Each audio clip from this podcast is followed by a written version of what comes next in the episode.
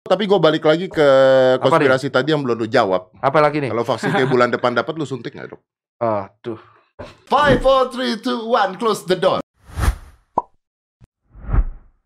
Eh, Pertanyaan, ada nggak teori konspirasi? Mungkin nggak sih teori Oke, konspirasi? Nah, kalau gue izin jawab kayak gini sih. Gue termasuk seseorang yang kalau misal discuss di luar gue dokter apa enggak sama teman gue di jam satu pagi biasa. Itu obrolan serius cowok. hmm, Kalau bahas konspirasi itu bisa berjam-jam. Oke. Jadi namanya konspirasi, teori atau hipotesa. Karena ada orang bilang itu kan bukan teori. Teori itu kalau udah dibuktikan dengan penelitian, oke. Anggap aja hipotesa. Hipotesa. ya. hipotesa berbau konspirasi. eh, itu bisa dipercaya bisa enggak? Betul. Your choice. Betul. Itu sama halnya ketika lu membahas eh, konspirasi yang disebut Area 51. Ya, bulan. pen- Bulan, eh, bulan. Area Kenapa kok 51. bisa nancepin bendera Oh. tapi berkibar? Dan Oh, lu percaya apa enggak? Terserah your choice. oke. Tapi pada intinya adalah dari semua teori konspirasi ini semua sepakat COVID itu ada. Betul. Iya kan? Sepakat. Ini yang harus digarisbawahi sama netizen. Ini yang gue gak suka. Memang ada yang tidak sepakat. ada netizen bilang kayak gitu. Jadi Loh, Lu- loh, loh, tunggu, tunggu bentar, gua potong dong.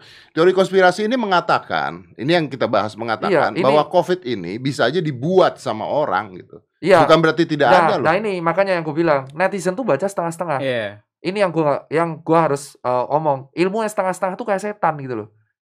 Ketika lu kemarin buat podcast sama Yolek, terus habis itu lu nama ya sama Dr. Hewan, terus ada statement yang paling keras jujur gua akuin jaring ya. Ketika teori konspirasi, dia dan jelasin tuh ada YouTube-nya, ada ininya, tapi semua sepakat COVID itu ada. Tapi Iya. konspirasi ini bergerak di belakangnya bahas siapa yang sebenarnya buat. Betul. Konspirasi A bilang Vaksinnya gimana? Ya, Itu vaksinnya yang kita gimana? bahas. Terus tapi endingnya semua goalnya adalah mereka keberatan sama Media. media. Nah ini yang gue setuju, paham nggak? Jadi konspirasi itu jangan diper, eh, jangan sampai membuat lu satu anti covid, kedua berdebat berantem, berantem pak, bener-bener itu berantem Ini kayak netizen berantem. netizen yang berantem. Karena karena gini, eh, dok, eh, gua di eh, Instagram gua, gua sempat ngomong tentang begini, tentang eh, bedain fear sama dangers gitu. Iya. Gua mengatakan, dangersnya ada loh, dangersnya ada, tapi fearnya jangan digodok terus gitu. Iya. Paham, Karena paham. ini ada media yang menggodok terus virusnya sampai akhirnya orang-orang ketakutannya luar biasa. Nah ini ada satu faktor lagi yang dilupakan gitu. Itu adalah faktor ekonomi juga nih. Nah makanya kalau gue bilang adalah takut nggak waspada iya, Waspada iya. meremehkan nggak tenang tetap. Itu Betul. itu konsep gue dari awal. Betul. Dari awal banget 3 Maret itu pertama kali diumumkan. Ingat gak? Gue selalu ngomong, Iya. lu gak usah takut, tapi gak usah Lu panik. sama gue ngomong iya, gitu kan karena sini kalau kan. lu takut, lu rush out. Nah itu dia. Sekarang kita tuh sudah mencapai fase masker harganya mulai turun. Ya, Karena gara-gara lu ya. Maaf ya, bukan karena jangan sari saya nih, sari. Ini ide-ide ide semua kok. Pasti ngeselin banget kampret. Terus habis itu, eh maaf nanti ngomong itu ya kam kampret cebong semuanya lah kelelawar. Ya, semua jenis-jenis semua jenis-jenis binatang, hewan. Jadi intinya itu eh, semua konspirasi itu boleh dipercaya boleh enggak. Tapi kalau lu baca semuanya, konspirasi itu berujung pada bukan membahas COVID itu ada apa enggak. Ada mereka setuju. Tapi konspirasi ini membahas COVID ini berasal dari mana. Eh, Teori-teori yang emang bisa berkembang bahwa COVID itu sebenarnya yang di- dikirim oleh human juga untuk menghancurkan ekonomi. Betul. Ya lu percaya apa enggak terserah.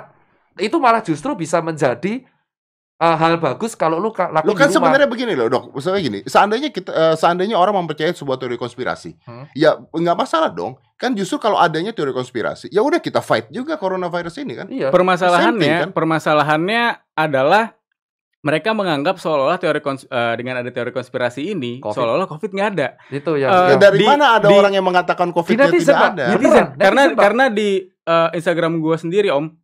Jadi Om nih manggilnya. oh, ini kayak Ini konspirasi nih, Konspirasi ini nih. konspirasi ini nih. jajan gadun ya lu. Jadi Oh, gua kenal. gua semalam gua semalam ngepost eh, posternya Tirta yang bakal live bareng sama Mas uh, Jering. Ah, Itu sampai ada yang komen. Ini tetap ini tuh skema bisnis aja. Jadi cuman jadi Oh kalau ini pak penggorengan kalau udah begitu, Jadi udah tapi orang ini sebelumnya sering banget komen di Instagram uh, lu. Instagram gua. Jadi eh, dia eh, selalu bilang ini tuh cuma skema bisnis. Ini tuh sebenarnya enggak Nah, ada. ini loh. cuma skema bisnis. Kak Pak Sampai akhirnya dia diserang sama eh, Buzzer.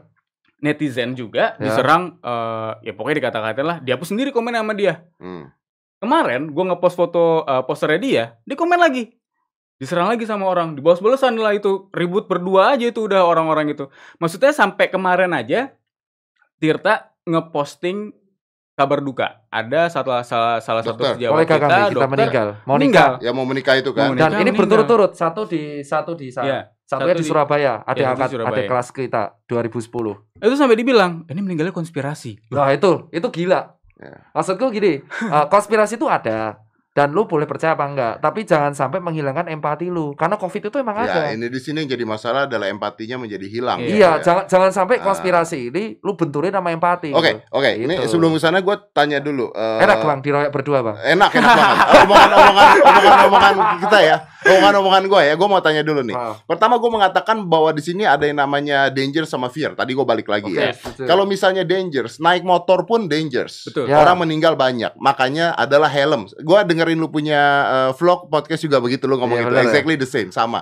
Eh, tapi janganlah media setiap hari ngeluarin naik motor mati, naik motor mati, naik motor mati, naik motor mati. Lama-lama motor ini jadi menakutkan gitu. Betul, betul. Keluarin aja fakta-fakta yang benar. Nih dengan pakai helm, dengan begini bisa Nah, menyelamatkan, dengan siap. pakai masker, dengan jaga jarak. Bukan yang tiap hari uh, gaduh, gaduh, gaduh, gaduh. Itu media menggodok ini karena memang jualannya media seperti itu kan. Iya, Pastinya oke. seperti itu. Itu yang Siap. pertama. Terus kedua, Eh dan gua rasa tidak ada yang salah dengan hal tersebut karena waspada sama takut, beda. beda. Hmm. Yang kedua, ini ada satu pertanyaan yang mengatakan begini, kalau seandainya nilainya itu bisa dikecilkan, artinya juga nilai kematian bisa dibesarkan. Ya, Ya. kalau Ya. kita bicara teori konspirasi. Ada orang-orang yang sampai nge-DM gua dan sebagainya, misalnya orang tuanya meninggal, belum tahu karena Covid apa tidak, tapi akhirnya dikubur secara Covid. Betul. Gua percaya, percayanya kenapa? Bisa aja karena itu preventif. Ya, betul, setuju, pencegahan. Benar kan? Pencegahan. Gue mengatakan bisa aja. Ini hasilnya belum keluar, dikuburlah secara COVID. Ternyata begitu hasil keluar negatif. Mm-mm. Tapi kan dari kedokteran dan dari segi keamanan dikubur dulu gitu. Ya. Nah Ya. ini kan akhirnya ada eh, pasien COVID yang ternyata tidak COVID sebenarnya. Iya. Jadi kan bisa aja hasilnya lebih besar. Karena memang ada false negatif, false positif tersebut Betul, gitu kan. sekali. Oke, itu kita oke ya, setuju ya. Yang pertanyaan gua adalah ketika gue bicara tentang konspirasi, kemarin juga gue sempat eh, waktu itu tadi gue bilang ke dokter Jaka atau dokter Paru gitu, Iya. di Wisma Atlet juga kayaknya lu Betul, tahu ya. deh, ya lu Tahu. tahu. Pertanyaan gue sederhana, pertanyaan gue gini, gue tuh bermasalahnya bukan dengan COVID-nya, gue bermasalah dengan vaksinnya, gue bilang. Hmm. Karena ini bukan teori konspirasi bahwa swine flu dibuat vaksin itu gagal. Ya. Itu gagal. Nah sekarang gue tanya, apabila vaksinnya keluar bulan Agustus, apa dokter mau suntik itu? Dan kemarin ada dikasih yang, yang yang pertama jangan kan swine yang, X-Men ya, Jangan- X-Men kemarin di udah ngomong ya. jangan kan swine flu, eh, SARS yang tipe 1 aja Yang itu 2003. udah bikin 2002 ya betul. 2002 kan? Itu udah 17 tahun, 18 17 18 tahun. Itu vaksinnya belum ada sampai sekarang. Benar. Karena RNA tuh susah, Pak. Karena susah. Susah ya Allah, kecil Susah. banget 0,1 mikron. makanya kalau kalau menurut gue pribadi Tiba-tiba nih ya ada orang ya, ada Disclaimer orang, lagi, disclaimer, disclaimer, pribadi, ada subjektif, orang ada orang bikin vaksin. me- mengatakan kita udah siap untuk Vaksin. melakukan uji coba vaksin ke manusia dalam beberapa waktu de- beberapa waktu ke depan dan dalam waktu dekat akan didistribusikan ke seluruh penduduk dunia. Dokter mau suntik nggak? Kemungkinannya itu dua nih, Mas. Kemungkinan dua nih. Nih, nih, nih. Antara antara orang ini Jago banget. jago banget bisa ngumpulin semua seed virus seluruh Eh. dunia karena seed virus itu Betul. dia berubah-ubah Betul. dan dia eh, apa namanya variasinya macam-macam. Atau yang kedua nih, Duit bukan. apa? Dia datang dari masa depan. No. Nah, itu nggak mau back in future. Ini konspirasi lagi nih. Ini Ya, soalnya, lagi. soalnya, soalnya gini, Pak. Gini Om sih. Eh, kalau disebutkan eh, orang tuh selalu miss-nya adalah eh, ada pertama yang kita lurusin tadi lu bilang yang dangers and fear. Iya. Gua akan jawab tuh. Gua setuju untuk eh, dari awal gua minta tolong si Umbung di sini eh, kita tuh harus lebih baik ke pencegahan. Benar, Itu benar. setuju. Gue setuju di Setuju. situ. Harusnya kita di sini tuh lebih memotivasi masyarakat untuk optimisme. Ini sekarang masyarakat udah kehilangan satu hal yang paling penting. Hope. Hope. Men, ini that's the Hope. point. Ini gitu. harusnya oh, harusnya orang tuh Ini memberikan harapan. Harapannya tuh harapan ya. Kenapa aku bisa bilang seperti itu? Ini serius kata-kata dari BNPB. 20% anggap aja 100%, tapi ini bukan data, tapi dia eh, beliau melakukan analogi. Yang dihadapi tenaga medis itu baru 20% ya. Dan udah sudah kayak gitu loh. 80% itu masih sehat Hmm. dan mungkin aja belum kelacak, maka Hmm. dilakukan tes massal. Ada sebuah komit yang sehat tetap sehat, yang sakit harus jadi sehat Betul, dan jangan sampai sakit lagi. betul. Nah, yang sehat-sehat ini itu mengalami tekanan secara psikis dan Betul, psikologis. betul. Makanya BNPB membuat eh, kebijakan ada telepon 119 kalau ada tekanan psikologis. Ya. Nah, itu tugas kita. orang-orang yang mempunyai pengaruh untuk memberikan positif. Dan itu benar, harusnya tugas media juga untuk menebarkan optimisme. Eh, ben- gimana kalau seandainya ada eh, gimana kalau misalnya gue berteori gimana kalau misalnya seluruh rakyat di Indonesia diharuskan pakai masker? Diharuskan pakai masker kalau tidak pakai masker keluar maka ada tindak hukumnya atau eh, denda ya? Iya, tapi boleh bekerja lagi? Itu jujur aja ide yang harus dijelaskan Harus di- sama pemerintah sih. Iya. Gue gak bisa ngomong. karena karena sebenarnya gini Ini nanti ada menitannya kan? Iya, ada, ada, ada. kan? Nah, iya. karena karena sebenarnya gini eh, untuk kita bisa Kita Menghadapi. Timi dong, CEO. Oh. untuk kita bisa menghadapi si covid ini ini sebenarnya ada tiga poin penting yang harus dilakukan yang pertama adalah deteksi Ya, yang kedua tracing. prevensi tepat. yang ketiga adalah kuratif Ya. jadi kita harus eh, det- detect kita harus bisa detect dulu nih itemsnya apa aja kita Hmm. harus punya dari mungkin eh, form epidemiologi eh, rapid test kita Saya harus terakhir punya lagi, PCR. epidemiologi adalah surveillance. Secara Surveillance. umum itu, secara umum. Survei, Itu dokter juga loh ada. ada ada ada ahlinya ada Ada itu Eh, kemudian eh, yang kedua preventif. prevensi ini yang sekarang kita lakukan gitu apa namanya social distancing kita pakai masker Betul. karena kalau misalnya dibilang wah gue di rumah nih nggak ngapa-ngapain Ah. enggak sebenarnya orang-orang di rumah aja itu sudah melakukan suatu hal yang paling besar yaitu Betul. memutus Rantai rantai, infeksi. penularan gitu tapi mengeluarkan rantai kelaparan Iya. Nah, yang ini yang yang kita harus Ini jelaskan yang di sini. jelaskan juga nih Nah, ini kalau yang di ada beberapa hal yang kemarin bilang kayak kalau nggak salah Korsel kalau yang yang tidak lockdown tuh apa? Eh, Korsel nggak nggak lockdown kayaknya Hong Kong nggak ya? Hong Kong kayaknya gue Jadi- nggak tahu nanti Jadi salah. gini, kita di sini tuh membutuhkan sebuah disiplin diri dan disiplin kolektif, Om. Disiplin diri itu adalah satu kita keluar pakai masker itu udah ada kebijakannya. Hmm. Terus kedua kita kalau bisa naik mobil satu lu berdua-dua. ya pokoknya setengah persen Terus yang 50%. yang masih kerja di jalan itu apa dirazia? Enggak kan? Kayak PKL Hmm. kan PKL terus habis itu warung makan itu kalau bisa menjaga diri. Nah, tetapi kita juga harus disiplin kolektif. Disiplin kolektif itu adalah mengingatkan sesamanya. Mengingatkan sesamanya. Ketika mengingatkan jangan marah. Kayak misal, "Eh men, lu lu kenapa keluar gak pakai masker, men?" Itu ada yang marah loh. Nah, ini yang ini yang harus kita berdayakan dan eh, ini peran media di sini. Hmm. Nah, ini yang kita sarankan adalah kalau disebut menebar ketakutan, gue setuju. Karena emang yang disebar di sini kalau headline headline itu emang headline headline ya pasti yang besar. yang yang konflik-konflik karena emang itu yang itu yang dapat uang pak. ya ya pasti Nah itu yang mendapatkan traffic karena berita kan kayak gini kan. Lihat di slide 4 apa yang terjadi. Nah itu pasti orang akan penasaran. Coba kalau positif movement, kayak yang gue bilang, ketika di podcast lu yang pertama kali, ingat gak sebulan yang lalu, ya ya, ya. gue bilang, gue edukasi dengan cara yang pelan-pelan. Gak ada yang dengar kelamin Ya, kelamin dengerin. gua tapi kalau gue bilang lu tahu nggak kalau lu ngek ganti-gantian kelamin lu bisa hancur itu orang takut. Ya karena ada ada nuansa Nah, negatifnya di neg- nah, sana. Betul betul. Tapi oh makanya kalau ketakutan itu disebar ada dua kemungkinan. Emang satu konspirasi bener.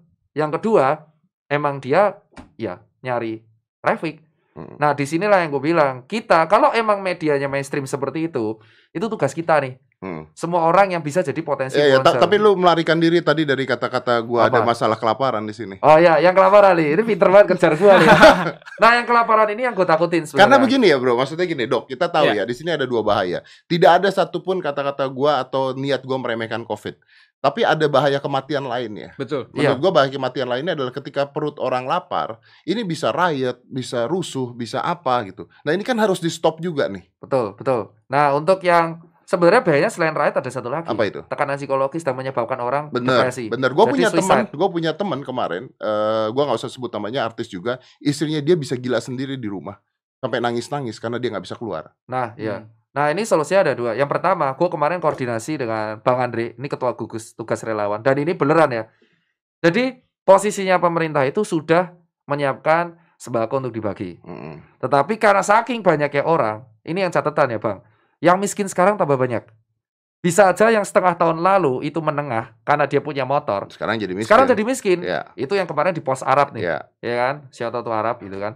Eh, dan kedua, maka mereka bingung nih kalau bagi salah dikit salah sasaran, bahkan misal dia bagi seribu orang, satu salah sasaran itu digoreng netizen, Pasti, pasti. pasti. Itu yang ini yang mereka bingung nih pemerintah nih, padahal udah siap. Nah, oleh karena itu mer- pemerintah mengajak kerjasama dari perangkat RT RW dan eh, si siapa namanya ketua gugus tugas relawan. Hmm. Jadi ke depannya 25 ribu relawan yang ada, yang udah direkrut ini, itu separuh akan digunakan untuk mendata orang miskin yang berhak dapat bantuan.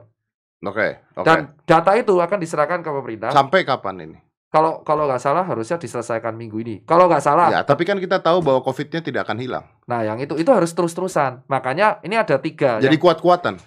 jujur aja iya pak. Wow. Jadi kayak Itali jujur aja. Kalau gue bisa bilang kuat-kuatan, iya. Makanya kemarin kalau lu dengar Pak Jokowi kalau nggak salah sempat mengatakan Kesian lu Pak Jokowi ya kesian juga gitu. Makanya. Siapa pun yang jadi presiden saat ini, ini, ini ini bingung pak. membingungkan buat siapa pun gitu kan. Dan beliau kemarin bilang, oh, kita itu kalau bisa, kalau kita disiplin, beliau menekankan, kalau kita bisa disiplin diri dan disiplin kolektif, kita bisa menyelesaikan ini normal Juli. Hmm. Kalau kita disiplin lebih bagus, kita bisa menyelesaikan ini lebih cepat. Karena apa? Emang yang dihadapi Indonesia, COVID-nya itu sekali lagi, yang mengalami masalah medis, 20%. Anggap, let's say, 80% ini mengalami dua masalah lain. Satu, PHK, ekonomi, dan kawan-kawan. Dan jujur Susankar separuh juga mengalami itu. Iya. Tapi alhamdulillah gue nggak akan PHK. Ketiga, psikologis. Ini yang bahaya juga. Psikologis, psikosomatis, dan imunnya rendah, dia bisa kena penyakit Betul. lain. Oke, eh, tanpa tanpa mengurangi respek gua terhadap dokter ataupun COVID ya. Ya ini ini menarik kemarin pada saat gua ngomongin tentang eh, teori konspirasi itu ada satu dokter yang eh, terus eh, ngomong juga gitu. Wah ini nggak bener omongannya. Saya pada saat diundang sama Deddy Corbuzier di podcast juga nggak mau. Eh, dia nggak mau diundang. Siapa emang? Gue lupa pada saat itu gue nggak mau nyebut nama juga. Ternyata gue cek sama asisten gue, memang pernah saat itu gue mengundang, tapi katanya beliau adalah saya nggak kompeten untuk ngomong ini gitu. Hmm. Jadi tolong jangan dibalik-balik kalau ngomong tidak kompeten terus tidak Disebut mau tuh namanya. Kalau tapi, kita, tapi gini bro, tidak mengurangi respek gue sama dokter dan sama masalah COVID ya. Eh, di Amerika sempat eh, Donald Trump mengatakannya, eh, Donald Trump atau siapa gitu mengatakan ini ada satu bahaya juga yang mungkin bisa lebih bahaya nanti dibandingkan virusnya. Katanya seperti itu ya. Bahwa nanti ketika ini ada faktor ekonomi yang hancur gitu, ini orang bisa eh, jadi virus sendiri gitu maksudnya. Maksudnya bisa jadi petaka. Gua nggak mau ngomong seperti apa petakanya, tapi bisa jadi petaka. Nah ini kan bahaya sekali. Ini kan bom waktu sebenarnya bro. Hmm. Nah kalau misalnya dokter-dokter atau memang ending-endingnya seberapa kuatnya cepatnya kita nahan COVID ini selesai kan? Betul. Which is tidak akan selesai kalau tidak ada obatnya dan tidak ada vaksinnya. dan tidak ada. Kalau pemutusan infeksi yang nggak kelar-kelar ya tak terus. Oke, tapi kan yang anda lakukan para dokter di sini itu kan hanya menghambat, menghambat, menghambat, menghambat. Nunggu apa kalian itu? Nunggu keluar obat. Kalau gua gua jawab, lu jawab ya. Iya. Gua dulu deh. Kalau dari gua, gua gua bisa jawab karena gua juga pelaku UKM. Dan gua juga di sini dokter yang bergerak di edukasi. Kalau Mas Gufron, dia dokter yang kurasi dan edukasi. Hmm, Kompak nih, dia seniman juga. Oke. Nah, yang pertama yang gue lakuin adalah urusan medis kurasi. Itu urusan dokter yang di garda terakhir. Gue Hmm. nyebutnya garda terakhir sekarang. Hmm. Gue balik. Kenapa disebut garda terakhir? Karena garda terdepannya adalah Masyarakat. masyarakat dan eh, para relawan yang bergerak di edukasi. Oke. Jadi dokter ini ngurusi medis supaya yang sakit jadi sehat. Hmm. Itu yang pertama. Dan COVID ini kalau dirawat dengan baik, perawatannya itu simptomatis. Kalau misal kerusakan paru, dia dikasih ventilator dan obat-obat penghambat kerusakan paru. Hmm. Dan sisanya itu dilakukan kayak dilebihkan infus dan Ya, berarti sama seperti orang kena flu kan? ya supporting treatment. Kalau kalau bisa kalau bisa bilang sama kayak flu, flu itu bahkan bed rest di rumah bisa, tapi ini lebih lebih lebih gila karena dia lebih cepat kerusakan parunya. oke. Apalagi kalau sesuai gue bilang ada komorbid atau pemberat. Nah, terus yang kedua, yang edukasi itu memutus rantai infeksi. Sampai kapan? Sampai COVID rate-nya turun. Sampai grafik eksponensialnya turun, Pak. Kalau grafik eksponensialnya turun dan dibuka lagi masyarakat bekerja lagi naik lagi dong. Kalau misalkan masyarakat disiplin PHBS bagus, gua rasa enggak. Artinya membiasakan masker, membiasakan jaga jarak. Artinya ini merubah semua hidup manusia. jadi- Nah, kita- ini yang sulit. Jadi Ini yang kita sulit. sekarang ada ada ada istilah new normal. Ya, this is the new normal gitu. Jadi kan. Oh, lu ya, tahu juga, wah kece juga lu ya. jadi ya ya apa namanya? Ya memang kita harus berubah secara total. Ini permasalahan populasi bukan permasalahan satu dua orang doang ya, gitu. ya, ya. Jadi memang kalau misalnya tadi Om Deddy nanya Om lagi kan? Kebiasaan gue Kok kos-kosan jangan Iya. ya? Permasalahannya adalah kalau misalnya tadi tanya apakah dokter hanya menghambat menghambat menghambat? Ya bisa dibilang begitu, tapi apalagi yang bisa kita lakukan gitu. Ini dalam pengertian menghambat menghambat bukan negatif ya gue ya. Memang Iya. itu yang bisa dokter lakukan pada Memang saat itu itu. yang kita bisa lakukan karena kita kurasi, Iya, karena iya. kita mengobati pasien. Jadi memang Anda melakukan tugas Anda sebagai dokter itu kan Betul. intinya Iya. kan. kita kurasi dan kita prevensi. Jadi Iya. kita menghambat virusnya untuk Artinya kan orang masyarakat yang nanti harus merubah gaya hidup kan. Tepat. Betul. Intinya Ini tuh nggak gampang loh merubah Nah, gaya hidup itu, ke mana-mana itu. pakai Iya. masker, Nah, nggak itu. salaman, nggak pelukan, cipika-cipiki, terutama apalagi sekarang nongkrong. tahu nggak kenapa pusat puncaknya disebut Ramadan? Nah, kan, Karena ya karena eh, Kebiasaan silaturahmi. sulit diubah loh, Pak. Memang, nah Dan- ini yang jadi masalah. Dan itu sempat menjadi chaos ketika kemarin di salah satu tempat ibadah orang mau tarawih yang dibubahin rusuh. Ah, yang ngaduin oke. kan itu. Ya, ya, ya, ya. Itu ya, baru ya, satu. Itu baru satu. Karena Berarti ada yang goreng dong. Ada dok. yang goreng. Ada yang goreng pasti. Ada yang goreng dong. Iya. dok. Nah itulah yang gue bilang adalah dan yang ketiga, gue belum selesai tadi ya kan, yang soal ekonomi. Nah ini nih ekonomi nih gimana nih? Kita harap bahwa sektor yang paling kuat kan sekarang sektor mikro, UKM. Hmm, hmm, Dan yang paling kuat kehancur itu UKM.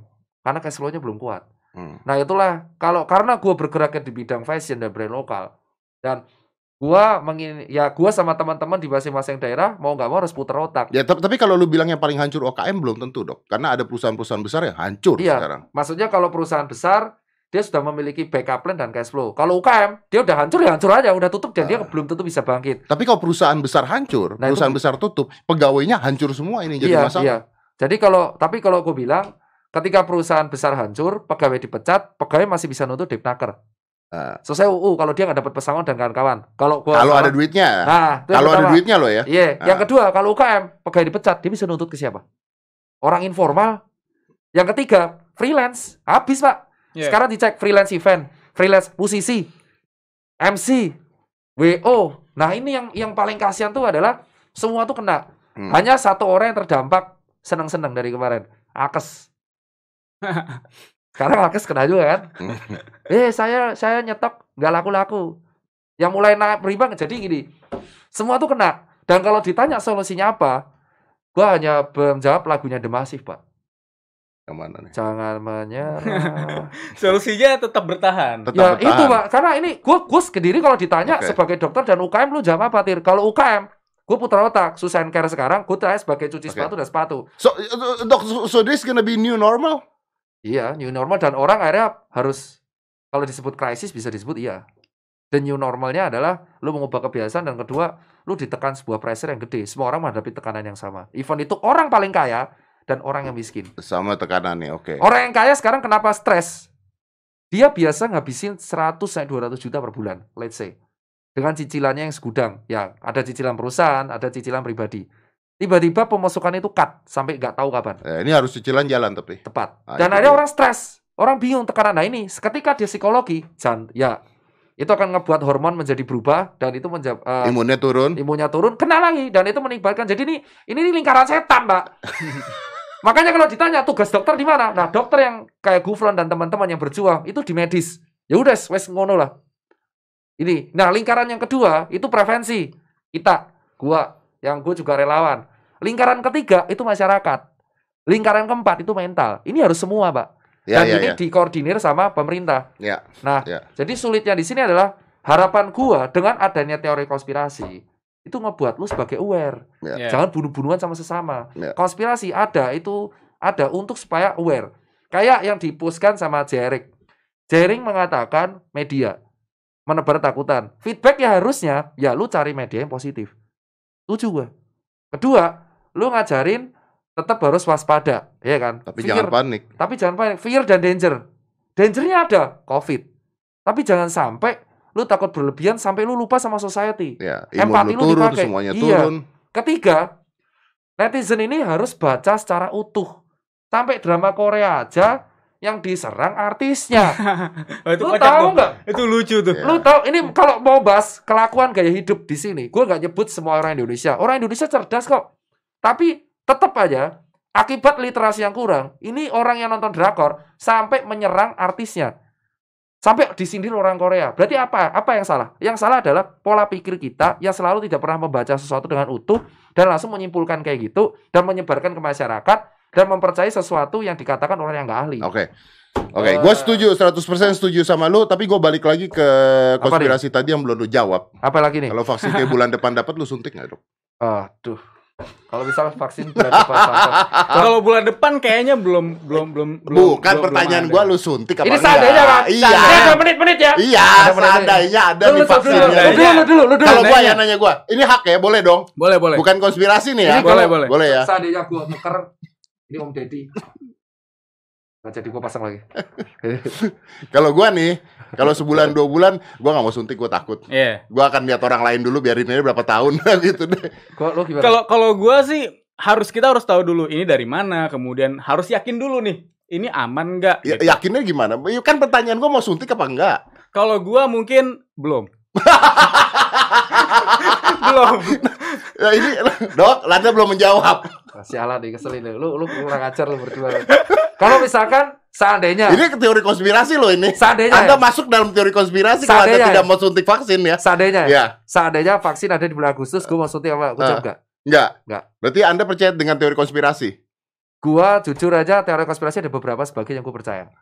Oke, Ada tiga yang per, gue percaya. oke. Pertama adalah itu sempat mengenakan ke Bu Siti Fadila. Ya. Gua tahu itu. Bu Siti Fadila yang mengatakan eh, Situs- situs- vaksin dari Bill Gates. Burung. Ya, flu burung. Yang mana nih? Iya Lo- lo betul. nggak beritanya. Lo ya Eh, coba flashback. mantan- Kita kita flashback ya. Mantan kita flashback. Menkes mantan kan? Menkes. Yang terakhir kali ngomong Betul, vaksin dari betul, Bill Gates itu betul, jangan betul, disuntik kan? Betul. Iya. Kita kalau kita belak-belakan nih. Oke, sekarang kita pakai menit-menitan kita ngomong konspirasi. Ketika dokter berbicara konspirasi. Oke. Oke. Pertama, yang gue pengen soroti adalah kita anggap Bu Menkes. Oke. Kita ini disclaimer ya. Bu, Me- eh, Bu Menkes, Bu Siti Fadila Iya. sempat membuat sebuah kebijakan terkait flu burung Apa itu? dan sempat ditentang banget sama sebuah organisasi. Oke, gua nggak gua nggak tahu. Ingat gak lo? Ingat, gue baca eh, ininya tuh, beritanya tuh waktu itu. Zaman-zaman kuliah tuh dulu. Ya. em, eh, Apa apa apa apa? Ya kalau nggak salah, kalau nggak salah ya bisa Ya. direvisi. Gue lupa nih. Kalau salah nggak apa-apa. Nanti kita timer kan ini kan. Iya betul betul. Kalau kalau nggak salah dia itu intinya rebutan mengenai vaksin flu burung itu. Iya. Oke. Harus intinya harus kalau nggak salah harus Harus dari Indonesia. Dari harus dari Indonesia. Indonesia. Karena Indonesia itu adalah pandemiknya pada waktu itu. Endemiknya di Indo. Oke. Padahal yang dari luar dari negara lain udah siap masuk tuh, Tapi lock. udah siap boleh. masuk. Nah, Menkesnya nggak mau. Mana yang benar? Ya di situ kita bingung karena kita masih mahasiswa. Tapi ya dia sekarang Bu Menkes di mana? Sekarang di mana? Penjara pak. Karena Korup. Dituduh korup ya. Hmm. dituduh korup. Korup dana kesehatan. Tapi kan tidak ada hubungannya dengan memilih vaksin. Ya tapi di situ dia bilang dia aja bisa- dia bisa menolak vaksin. Jadi ada dasarnya kalau gue boleh nolak vaksin. Oh, Anda mau ke sana larinya. Benar kan? Eh, Oh. Jadi gue boleh vaksin apa? Bu Menkes pernah nolak vaksin tahun pada Oke, waktu itu. artinya ada kemungkinan bahwa ini konspirasi dan membuat vaksin dan sebagainya.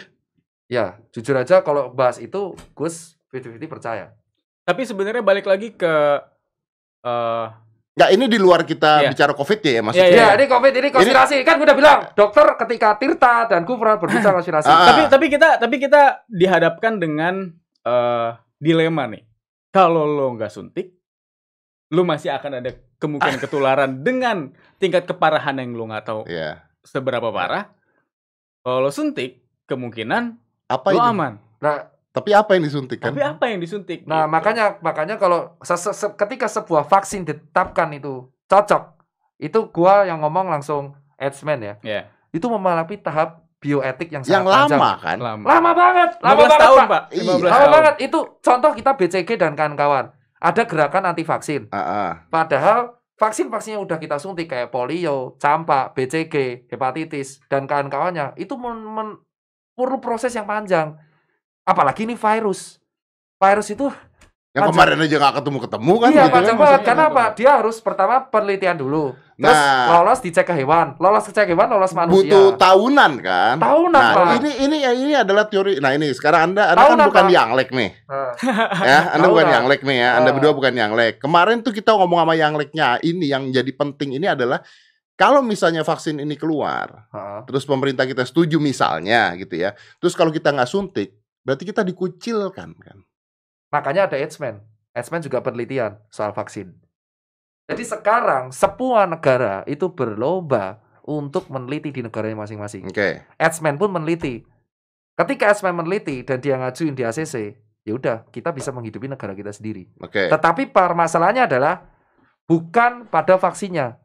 Kalaupun vaksin itu ada, itu tidak bisa mencukupi kebutuhan semua negara. Why? Karena satu vaksin, let's say lab paling keren aja di dunia, itu bisa memproduksi sekitar 1 juta sampai 2 juta vaksin per minggu. Per minggu. Ya. Per minggu ya. Indonesia berapa jumlahnya? Oke. 200 juta. Iya, oke. Berarti let's say kita hanya bisa 52 juta per tahun. Berarti kita butuh 4 tahun kalau semua Indonesia divaksin. Betul. Itu pun kalau nggak ada yang nggak percaya. Mm-mm. Nah, jadi permasalahannya itu ada pun vaksinnya, jumlahnya pun belum tentu mencukupin, Pak. Mm. Kalau ada. Kalau ada. Jadi anggap aja ada. Jumlahnya belum mencukupi. Kalau Anggap, anggap aja ini vaksinnya benar gitu ya. Hasil vaksinnya benar, sudah lolos uji hewan, uji manusia, biotik, tete bengek. Dia harus ke WHO dulu. Anggap aja WHO lolos. Boleh, Indonesia boleh pakai dari sendiri.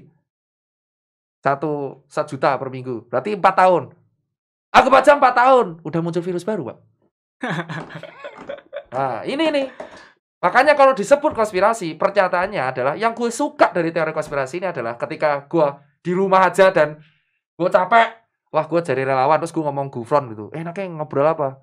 Gue gue permasalahan cuma satu. Ini harusnya negara Cina itu yang bertanggung jawab buat vaksin pertama kali dan memenuhi kebutuhan semua negara. Karena Karena pertama kali muncul virus di situ. Iya. Itu yang gue sebenarnya adalah dari dulu pengen ngomong. Gue tidak menyalahkan semua negara kok. Sekarang gue tanya, ketika Jepang di danaunya tercemar oleh cairan merkuri, Jepang bertanggung jawab sama satu negaranya. Dan akhirnya merkuri itu dilarang dalam make up. tapi kan lu kan berkata seperti itu kan dari Cina sendiri mengatakan bahwa ini bawaan dari US, Nah, dari Eropa. Makanya itu urusan dua negara itu, Pak. Kita sekarang tuh negara yang nggak bisa ngapain main mereka berdua gitu loh, Pak. Oke. Gua Ay- tidak- Akhirnya kita korban gitu. Kita Iya. ya. Indonesia tuh dibilang korban, korban karena kita tuh pion, kita tuh belum kuat.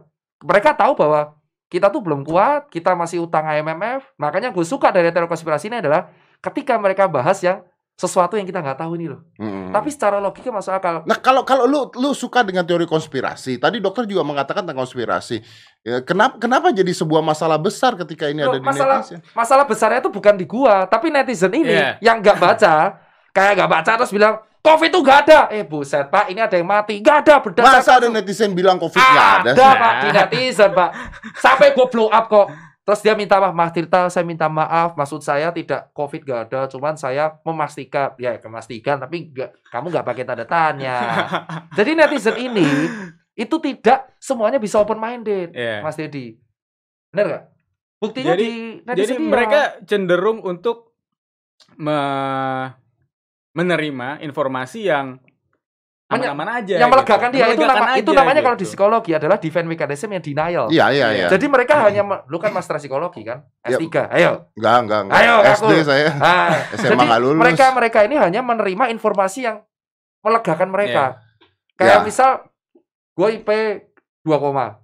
Terus kita gue hanya mau membaca berita yang Yang sesuai dengan dirinya, Tepat. membahagiakan Iya. dirinya. makanya konspirasi ini dijadikan defense sama Messi netizen yang close minded untuk menganggap COVID gak ada. Tapi ketika Kalau gue lu ngomong seperti itu, Dok, artinya semua hal yang dikatakan oleh orang bisa dipelintir sama media dan sama netizen. Dong. ya bisa, Betul. itu pak. Gue Itu udah dia. itu yang gue gak suka. Makanya gue bilang konspirasi ini ada yang benar, yaitu media suka memelintir. Ya. Gue gak bilang semua media, tapi ada media suka melintir. Itu benar.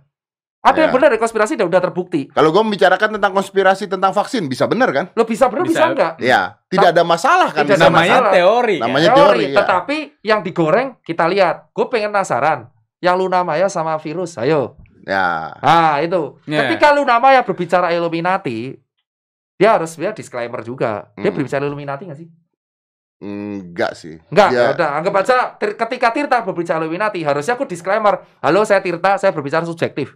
Nah, yang gue tanya, kenapa kejadian Luna Maya sama dokter virus, eh, dokter hewan itu, Virologi. Ah, Virologi Virologi tapi dia. si itu. ahli virologi itu bisa viral? Gini, menariknya begini, karena gue sempat ngobrol dengan Luna Maya. Yang jadi masalah adalah dokter ini sudah ada di TV-TV loh. Ngomongin hal yang sama katanya. Iya, Po. Ya. Gue nggak pernah Jadi nonton TV. gini, Dan Jadi- tidak masalah katanya. Jadi dokter dokter ini memang beberapa kali memang dia ada di TV. Betul. Dokter siapa tuh? Eh, dokter hewan eh, Indro. Indro ya. Gue jujur ya, gue gua gue mematuhi saran orang-orang. Gue gak gue nggak nonton TV. Tapi tapi dokter hewan ini juga ahli virus ya. Ya, jadi Ah. memang eh, beliau adalah ahli virologi. Maksudnya beliau tahu anatomi dari virus, beliau tahu apa namanya jenis-jenis virus apa aja gitu.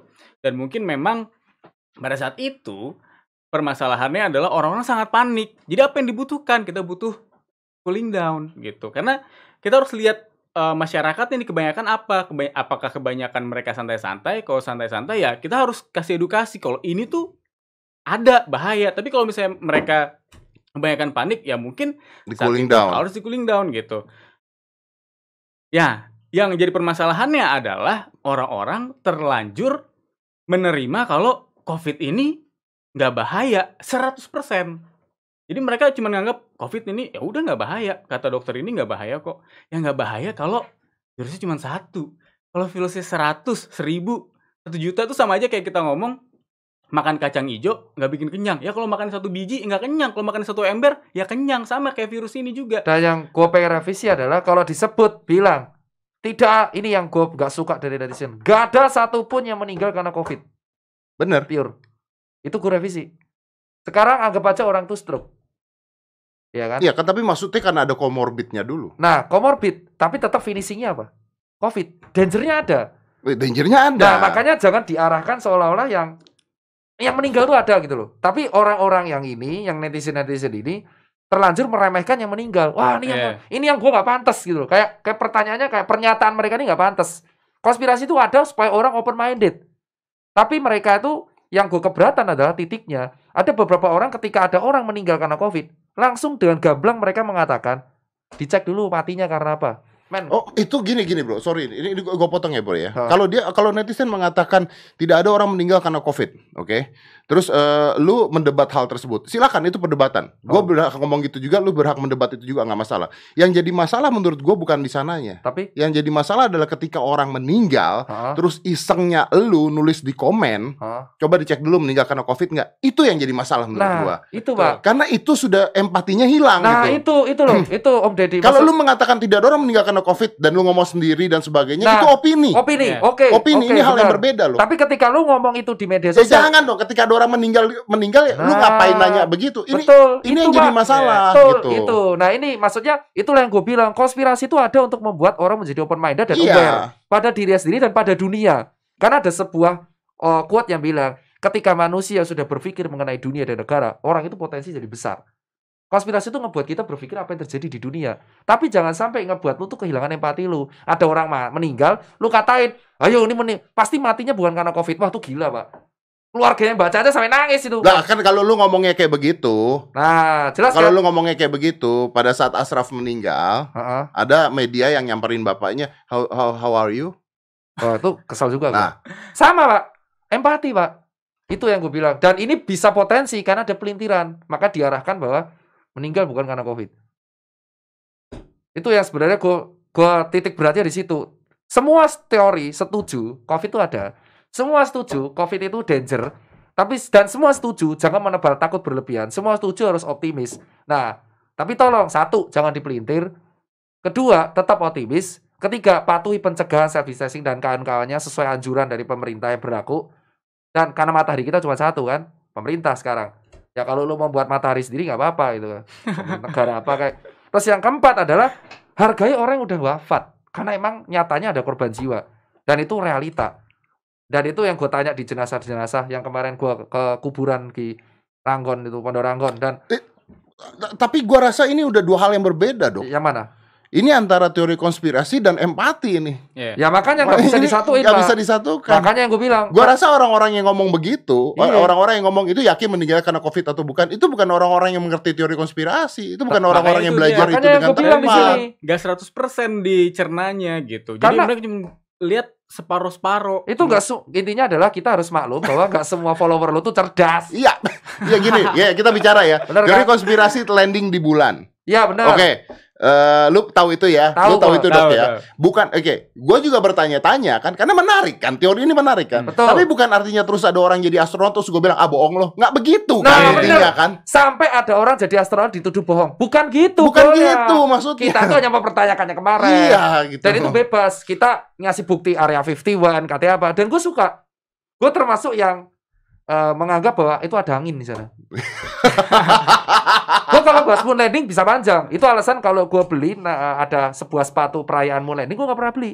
Karena lu nggak percaya. Gue gak percaya men pada waktu itu. Tapi gue menghargai orang yang astronot. Karena gue lihat ada astronot dan emang itu Ya udah gue gitu percaya kan. bumi bulat. Iya gitu kan. Gue percaya bumi bulat gitu loh. Gue pasti percaya. Tapi, Tapi, kan belum ada buktinya bro. eh, ya Katanya Gue bercita-cita suatu saat gue keluar angkasa. gue berangkat sendiri ntar. Eh tapi ada loh Apa? wisatanya, wisata ke bulan. Iya, Udah, ada. ada, ada, ada. Ada. Jadi Tapi di- belum ada buktinya orang ke sana sampai sekarang. Nah itu itu kita bicara konspirasi dan ini menarik itu. Itu kayak menarik menghabiskan waktu di rumah Ih, sambil menghabiskan waktu menunggu ngobrol. sahur ngobrol. Ngobrol. Ngobrol Itu dia. Itu Itu loh. dia. Paham nggak? Ngobrol santai, misuh-misuh. Tapi pertanyaannya setelah misuh-misuh mau ngapain? Ya udah. Iya. Ya udah ya selesai, udah, kan? udah Sudah. selesai. Ja- Jangan dibawa sampai kamu tuh ada orang meninggal, orang sakit. Wah sakitnya bukan covid nih, Iya. konspirasi. Nah, Ya itu sama loh. kan tadi orang jadi astronot, wah lu bohong lu nggak pernah ke Nah, bulan lu. ini Nggak nggak loh. begitu Ini kan maksudnya. idenya nggak begitu Karena gitu. semua yang mempelopori teori konspirasi ini tujuannya adalah supaya orang aware Iya. bahwa lu hati-hati loh. Makanya gue gue lempar pertanyaan Dan nih. sebenarnya itu perdebatan cerdas loh. Iya. Iya, sekarang gue lempar pertanyaan ke netizen nanti silakan jawab. Ini ada menit ya. Hmm. Sekarang tanya, orang rame-rame membahas COVID gimana musnah. Tapi orang lupa, COVID ini berasal dari mana? Hmm. Ayo, ada bisa jawab nggak? COVID berasal dari mana? Pernah nggak di semua mengasal? Kemarin gua nanya Rigen, Mas Rigan jawab apa? Covid berasal dari mana? Dia jawab, Wuhan, Cina. Wah, rasis lu gua gituin. Terus dia bilang, "Lo kok rasis emang dari Wuhan dari Cina?" Enggak, gua baca dari kelelawar gua. kasihan Rigan itu dibully-bully terus. Aduh, Untung gue, ini kalau lu cocok sih Rigan sama Marcel lu undang sih. Rigan, Marcin, Bapak Cita, iya, Pak. sepaket. Jadi kalau gue bilang adalah, kalau lu pengen belajar uh, lebih lanjut mengenai ilmu, teori konspirasi adalah, coba dicek COVID ini semua virus selalu berasal dari berapa sih? Dan selalu negara-negara yang maju yang selalu cepat duluan. Kalau lu bilang negara maju selalu selamat dari COVID, belum tentu. Italia aja bisa hancur, Uni Iya. Eropa hancur Ya, semua. ya hancur. Amerika juga berantakan sekarang. Nah, kan? makanya hanya satu negara sekarang biasa-biasa aja. apa Israel ya? Hai. Gua pelempar teori konspirasi yang lu mau berpikir gak? Negara yang dari awal biasa-biasa aja. Ya, Israel. Ya lu cek aja Google gitu. Kan seneng kan? Bahas-bahas kayak gitu seneng. Kita nggak Nanti gua buat Instagram ya ini ya. Iya nggak apa-apa. Gitu kan. Seneng-seneng aja kan. Maksudnya kayak Tapi kan it's fun gitu kan. it's fun. Jadi kayak teori konspirasi itu jangan dibuat serius. Iya. Gua gua nggak nuduh kayak Israel ini. Tapi sekarang kita lihat. eh, lu ada kasus gak sih yang COVID di Israel sampai heboh itu? Nggak ada katanya malah aman. Israel lockdown itu. Gak pernah denger gue. Nggak pernah denger gua. Nah, coba coba coba Google Google semuanya Israel lockdown ada nggak? Atau Israel panik karena COVID itu? Israel COVID-19 nih langsung keluar. nih. Iya. Israel COVID-19. Ada. Eh, first case 21 Februari. Terus Eh 19 pasien. 19 pasien. seru kan? Draining bathtub to running tap. Iya. Semua bener nggak? Israel Iran. COVID-19 treatment 100% survival rate. Hmm? Test in US patient. Reopen the business. Hai. Ah. Negara paling aman di era COVID-19, Israel paling top, Indonesia terjeblok. Waduh. Dari suara Nah, makanya kalau lu mau teori konspirasi, gua gua tuh belajar, gua udah setiap subuh gua belajar. Karena itu perintahnya dokter, long life learning. Orang berdebat, tapi gue lempar lagi. Coba sebut negara yang nggak pernah diangkat di media. Iya. Israel. Lo, gue tuh percaya gini loh dok. Aduh, Nah. lu tuh orang pinter. Lu dua-duanya orang pinter gitu ya. Iya. Di dokter, gue juga kenal dokter banyak. Di dokter aja itu mereka ya, setahu gue ya, Hmm. ada dokter-dokter aja yang suka ngedebatin teori konspirasi obat-obatan. Betul. Bener. Karena obat ini, wah ini ini padahal bohong obatnya karena begini, wah, itu penjualan. Ada kok dokter Tapi kita gitu. kalau debat, itu internal kita. iya, nggak Nah, nggak jangan untuk kita, buat oh lu panik. penjual obat ini Dari zaman bukan teman gua. Dari zaman kuliah make kita tahu yang Kita- berita yang tadi segala Iya. macam gitu karena Iya. memang gua tuh juga nontonin gitu. Iya, it is fun kan? Iya. Orang-orang suka suka konspirasi itu ya jujur aja penikmat kopi subuh kalau gue bilang. Jam satu ah, ke atas kita ngobrol dan dan itu kayak fun sendiri. Iya, itu iya. yang gue suka makanya Aliens ada nggak? apa? Aliens. Gue lebih percaya alien gak ada sih pak. Iya. Ada nggak aliens? Gue gak percaya alien ada. Lu nggak percaya? Enggak gue. Kayak ini tau, Itu- kayak lo tau lo pernah lihat ini gak sih anak yang berubah jadi ikan pari? Itu film gue. Dan ketika Jangan samain sama Dan- anak jadi ikan dan- pari dong. dan ispi, ispi, Jauh. Dan konspirasi yang gue suka itu adalah adanya Simpson yang selalu memprediksi. Menurut Ah. gue semua semua yang terjadi sekarang itu adalah semua retorika yang diarahkan ke Simpson. Ayo, kalau kalau lempar eksplorasi yang kayak gitu, udah gue bisa share teori-teori yang kayak kayak gitu. Simpson selalu memprediksi, memprediksi, Iya. Donald Trump memprediksi. jadi Donald Trump presiden. Betul, betul. Nah, menurut gua eh, ini kayak em, kayak dibuat-buat dan semua sekarang lupa. Gue udah bisa sebut ini World War 3. Iya. Kalau ada yang bilang nggak setuju, gue bisa sebut ini World War 3. Dan pemenangnya adalah salah satunya Israel sama Cina. Dan negara-negara yang sosialis selamat duluan. Vietnam. Ya. Dan negara yang menjunjung tinggi HAM selamatnya paling terakhir. Kita Menjunjung tinggi kan.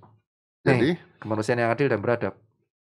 Nah, kita lihat dan negara yang penduduk tinggi, penduduknya banyak, kita aja belum bisa nyangini dia.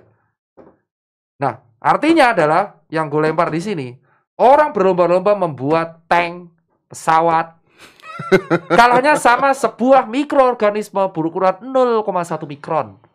Yang kalau di film-film di Resident Evil masuk tes. tes jadi zombie lu. Dan ini udah difilmkan. Ada yang aneh nggak? Kenapa film-filmnya Yes. beredar duluan. Nah itu yang gue suka. Iya.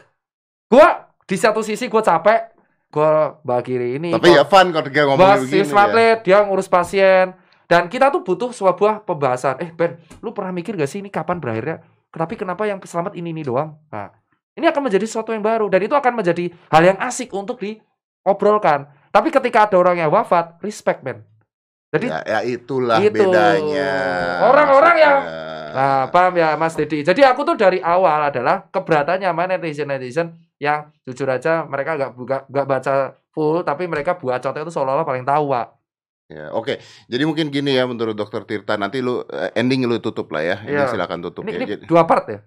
Eh, satu aja kali ya. Satu apa dua? Mau Sa- sa- satu apa? Sekali-kali Bersambung? satu jam kalau berani. berani satu jam. Cuma gue tuh takutnya gini dok. Apa? Takutnya ada orang males nonton. Misalnya cuma sampai setengah. Iya, Terus betul, ending-ending lu tuh nggak ditonton. Yang penting-pentingnya tuh nggak Oh, ketonton. Kadang-kadang gitu. Ya udah mending 100 part Instagram TV. Cuk, cuk, cuk. Jadi intinya gini, eh mau kalau menurut dokter, kalau salah tolong langsung betulkan ya nanti Ya, ya. siap, Oke, siap, silakan siap. nanti ditutup oleh anda berdua. Lu mau percaya teori konspirasi, tidak percaya teori konspirasi, silahkan. Hmm. Apakah teori konspirasi ada apa tidak? Ya ada dari zaman dulu sudah ada teori Iya. konspirasi. Lu mau ngobrolin teori konspirasi? Boleh, nggak ada masalah. Mau debatin? Boleh. Tapi ketika ada sebuah korban, lalu jangan lari ke korban tersebut. Hmm. Jangan menghina korban tersebut. Jangan ngebawa-bawa korban tersebut. Hmm. Jadi bedakan antara teori konspirasi dan empati manusia. Oh, Silakan. Tuh. Silakan. Lo lo duluan deh yang dari data. Ya, kalau Baca dari data. Apalah kan datanya?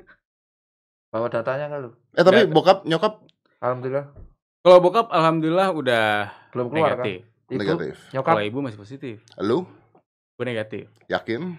Yakin. Oh, takut lu eh, sterilisasi apalagi dia droplet. Gue pakai sih. Hmm. Dia negatif tapi katanya. Saya percaya kata kalau sampai ada yang kena berarti Anda tukang bohong, dokter. Oh, ada bang. Tiba-tiba dua minggu lagi Deddy Corbuzier di Rapo di Wisma Atlet. Relawan. Relawan. Ah. Silakan, Dok. Kalau dari gua nih, eh kita jangan melupakan tujuan utama kita dalam menghadapi COVID. Tujuan utama kita adalah flatten the curve. Hmm. Jadi gimana caranya supaya fasilitas kesehatan di Indonesia bisa merawat semua pasien COVID Hmm. yang eh, butuh Yang perawatan Terkena sekarang ya. gitu. Jadi kalau misalnya kita lihat mungkin sekarang ada 132 rumah sakit rujukan COVID ya.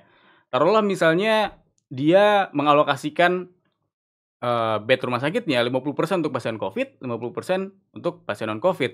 Itu kalau misalnya kita hitung secara kalkulasi itu dalam satu hari, dalam saat yang bersamaan itu yang bisa ditabung hanya 23.600. Oke. Kalau lebih dari itu, kolaps. Artinya intinya semakin banyak semakin cilaka lah Indonesia. Iya. Ya, oke. Jadi memang terlepas dari apakah teori kon- konspirasi itu ada atau enggak, betul atau tidak, siapa yang membuat, Nggak ada apakah- urusan. nggak ada urusan. Yang harus dilakukan apa? Kita harus lihat solusinya. Ya, Jadi oke. kadang kita terlalu sibuk mikirin Tapi ya siapa sebenarnya sebenarnya bro, teori konspirasi atau tidak teori konspirasi solusinya sama. Ayo apa? Lo iya dong. Apa coba? solusinya sama dong. Apa? Ya itu tadi kan. Apa? Ya jaga jarak dan Oh, sebagainya. Ngetes, ngetes. Ya, ternyata bisa jawab. Cancu. Iya. Ya, maksudnya jadi- mau konspirasi nggak konspirasi kan sama kan Iya, solusinya. Karena sudah ada, Udah ada, iya. udah ada korbannya, virusnya ada gitu. Jadi jangan melupakan big picture-nya. Iya, big gitu. picture-nya ini ada Picture intinya itu gitu. ada, gitu. Oke, silakan dok. Dari Wes misu-misu aja gitu. Oh, Misu-misu orang denger. Ya, sem- ini kalau dari aku sih, eh, aku setuju dengan apa yang dikatakan kamu Dedi. Lo kok nggak misu-misu? Cok. Ah, satu aja. Jadi kayak gini bos, terakhir aja. Susah kalau disuruh miso malah bingung misonya di waktu Oh apa. iya iya, misu natural. Nanti digoreng, digoreng, dokter gak punya attitude. itu jadi saya- memang Pak, bukan digoreng Pak. Oh, iya, betul. Jadi kalau saya bilang yang pertama adalah oh setuju bahwa konspirasi itu harusnya dijadikan obrolan untuk meningkatkan awareness dan meningkatkan uh, ketakutan. Covid ini bisa sembuh loh. Bisa sembuh. Bisa sembuh, positif beritanya juga banyak. Hormati yang udah meninggal, doakan yang sakit menjadi sehat, disiplin diri, disiplin kolektif. Pertama, kedua, yang kita harus soroti so- solusi. Kenapa? Kalau ini nggak selesai-selesai, yang kolaps pertama Pak, rumah sakit Pak. Ya. Tanya aja gajinya dia. Tinggal setengah ya. Rumah sakit itu punya cash flow kayaknya sampai Juni doang, dugaan gua. Hmm.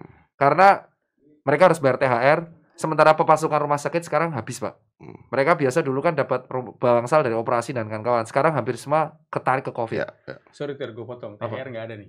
THR nggak ada. Lu nggak ada Nggak THR? nih. Serius lu? Iyalah, Sedih banget mukanya, Pak. nggak ada. Alhamdulillah nggak cuci ada. sepatu. Ada Dan- THR, Pak. Eh, ya jelas, saya ada. Terus yang ketiga adalah kita belak-belakan aja eh, media membuat berita yang ingin didengar dan yang potensi mendatangkan traffic. Hmm. Kalau mereka nggak datangin traffic, mereka nggak dapat iklan. Dan nggak hidup akhirnya. Kalau mereka nggak dapat iklan, mereka nggak hidup. Ini lingkaran setan. Kalau aku bilang-bilang, kalau aku secara umum bilang media menebarkan ketakutan dia, tapi cari solusi juga supaya mereka dapat iklan. Ya. Itu yang aku bilang. Makanya kenapa orang-orang tuh lebih suka di Indonesia pada umumnya dan Asia Tenggara suka berita kontroversial dibandingkan berita yang positif. Itu dugaan ketika beritaku kemarin sama Jaring masuk di Line Today. Cuma berdasarkan komen-komenan di Instagram bisa masuk Line Today. Tapi lu lagi nyumbang lagi apa lagi? Gak pernah masuk. itu yang gua gua tanya. Ketika gua mengkritik atau gua hanya berpendapat, ini yang gua bilang, gua Nah, berpendapat. Gua cuma komen dan jaring komen dibuat seolah-olah berantem, padahal nggak ada apa-apa. Dan akhir tapi apa yang gue lakuin selama dua bulan, gue ngirim ke Papua, gue ngirim ke Papua 8 ton, media mana nyorot? Ya, that's the whole idea of media. Ya itu yang gue bilang, ini ini harus masukin highlight. Ketika gue ngirim sama JDN Junior Data Network, shout out ya, kita di JDN dan JDN itu di bawah PBID, isinya dokter-dokter yang kita kayak komunitas di bawah ID. Ketika kita ngirim 8 ton ke Papua untuk meningkatkan mental Papua bahwa Indonesia itu dari Sabang sampai Merauke, apakah ada satu media menyorot? Apakah ada media menyorot koran yang nyorot bahwa JDN bersama PBID mengirimkan 8 ton ke Papua? Tidak. Tapi ketika Pak Daeng ngomong digoreng, menurut PBID 1000 jenazah. Lu ingat pasti berita itu. Ya, ya. Sampai Pak Daeng klarifikasi di mana pun, tapi klarifikasinya nggak ada dimuat. Ya makanya. Itu yang gue bilang, harusnya nih buat teman-teman media, eh, kita tebarkan positif. Emang gue ngerti lu butuh iklan, tapi tebarkan positif dan gue juga minta para iklan-iklan juga itulah menyupport Iya. hal positif Iya, lah. karena sulit juga. Kalau lu nggak- dia nebarin positif nggak ada duitnya, Gak ada duitnya. iklannya. Kalau kontroversial dapat traffic. Iya. Ini ya kalau bener gak sih? bener. Kalau hal positif sulit mendatangkan traffic, Iya. rating rendah nggak ada iklan. Itu eh, psychology, Bro. Dah, bener nggak sih? bang- bener. Bangun gini aja. Traffic kan kita bicarakan. Iya traffic ini ini terakhir kesimpulan Bang, nih. lu pernah nggak ngelihat bangunan baru di jalan? Rumah baru di jalan pernah lihat? Rumah baru jadi di jalan? Ada Ya, dong rumah ada, baru ada. jadi. Oh, banyak, banyak, iya. banyak. Banyak orang ngumumin nggak? Iya. Iya. Eh rumah baru jadi? Rumah baru jadi. Ya enggak lah. Enggak. Orang baru. Kalau rumah kebakaran, Oh iya. Betul. that's the whole idea. Itu yang salah dengan manusia memang. Akhirnya media mengerti tentang hal itu. Jadi sebenarnya ini salahnya psikologi dong. Iya, Jadi gaya hidup dong. gaya hidup. Kembali lagi ke people dan populasi dong. Betul. Ribet dong. Ribet, Bro. Nah kalau kayak gini nggak kelar-kelar, Pak. Yoi. Pak, sampai makan, Pak. Saya udah tiga bulan nggak pulang rumah, Pak. ya kenapa? Ya karena rumah saya kan, aku kemarin yang paling sedih nih, nih di luar nih ke for penutup ya. Eh, kita di sini itu sudah belum bukan hanya kamu aja. Kalau kalian bisa di rumah, aku tuh kemarin ke Solo. Hmm. Kan syaratnya eh, karena aku di Solo tuh edukasi ngasih APD dan mempertemukan brand lokal APD dengan wali kota Hmm. Pak Rudi dan Hmm. pemerintah Hmm. Pak Ganjar. Hmm. Aku even nggak boleh nyentuh rumah orang tua aku. Karena dianggap aku berpol- beresiko walaupun aku swab negatif. Dan sekarang di lock kita nggak bisa mudik. Dan aku udah diskusi sama teman-temanku, kemungkinan besar kalau sampai COVID di, di terus-terusan, aku akan di lock di wilayah kota-kota besar terus dan aku mungkin belum tahu aku bisa mudik apa enggak. Jadi ini pertama kali sepanjang sejarah aku nggak nggak tahu kapan aku harus pulang. Nah ini yang harus kita tahu. COVID ini kalau nggak kelar-kelar, psikis psikis psikis orang-orang relawan juga terkena. Tapi kan lu kuat. Ya makanya Kalau netizen yang aja kuat. Kalau kuat, Kalau yang kuat, kalau yang nggak kuat. gak kuat tertekan, Ya, Pak. ya. Nah, ini makanya gue bilang, kalau pengen cepet-cepet kelar, Yuk kita fight ini. fight aja lah. Maksudnya mau yang percaya konspirasi apa enggak, musuh kita tuh satu, Covid. Dan setelah Covid ini kelar, baru kita cari dalangnya siapa. Oh. Kalau Covid udah kelar, gue gue penasaran banget. Gue akan, eh gue udah bercita-cita untuk menjadi orang besar. Lu harus jadi orang besar. Ketika gue jadi orang besar, suatu saat nanti 10 years, 20 years again, gue akan nginget selalu Covid ini karena gue pengen tahu dalangnya siapa. Kalau misalkan terus-terusan kayak gini, negara siapa pun bisa buat virus apa pun dan akan menyerang dunia ini terus-terusan dan itu akan repeat, repeat, repeat dan repeat. Makanya ada siklus 100 tahun. Apakah dia berpikir flu Spanyol itu? Dari dulu kok berpikir kayak gitu. Semua orang berpikir tentang senjata, tapi ternyata mereka tahu kelemahan manusia itu mikroorganisme. Iya. Nah, kayak stuck, kayak bug gitu loh. Nah, kalau misalnya ini terus-terusan, yang terjadi adalah mau semaju apa pun negara itu 100 tahun lagi kita akan diserang lagi virus dan Indonesia cuma jadi korban dan nggak bisa ngapa-ngapain. Ingat nggak APD sekarang ngapain? Kita cuma buat dari Korea, Pak. Ya betul. Gua mau buat brand lokal aja, Pak. Udah jadi kontroversial, Pak. Harus izin ini, izin itu, ya udah nggak apa-apa lah. Jadi Ya udah. dan gue cuman pesan dari teman gue ini sih, Tir. Tapi gue gak bisa sebut. Gue cuman harap lu hidup sampai selesai COVID. Ya harus dong ya. Kita doain semuanya Iya, dokter-dokter. Siapa tahu gue hilang, diculik habis ini. Oh. Ditemukan kali Ciliwung, dokter Tirta. Oke. Thank you. Ini gue tutup ya. Siapa? Gua tutup eh jadi intinya begini nih, kita juga harus eh, hormatin dokter-dokter juga karena ini teori gua ya. Kalau salah tolong dibilang salah karena bukan teori gua sih sebenarnya. Eh orang tuh terkena terkena coronavirus atau covid itu ada tiga hal. Yang pertama adalah tingginya paparan yang terjadi, ya Oh. kan? Waktu berapa lamanya paparan sama imunitas tubuh. Dan gua rasa yang paling rentan ini dokter-dokter di sana. Karena paparan virus yang banyak, waktu yang banyak terpapar juga sama imunnya pasti turun semua Hmm. karena capek dan sebagainya. Ya udah jadi ya kita hormatin de- dokter-dokter lah apalagi kalau misalnya ada yang meninggal dan sebagainya. Aduh. Pakai otak lah. Yang meninggal kita doakan, terus kita cari solusi. Kalau Baru kamu nanti udah selesai cari dalangnya. cari dalangnya, itu yang benar. Dan kalau takut ya matian TV. Kalau mau nonton TV ya nonton aja lah. Gue Iya. nonton film kok di rumah. Kalau nonton TV nonton bola aja. Iya nonton bola gue. Gue Udah nggak ada bola, bola Udah dari mana? Oh ya, oh, Udah nggak ada bola. iya benar, pas. Di mana kamu? Oh, kok aku jadi nyerang. Udah bola nggak ada, MMA nggak ada, semua udah nggak ada sekarang. Gue cuma nontonin Om Deddy Citot. Cinta otot. Oh, let's close the 5, 4, 3, 2, 1. Close the door.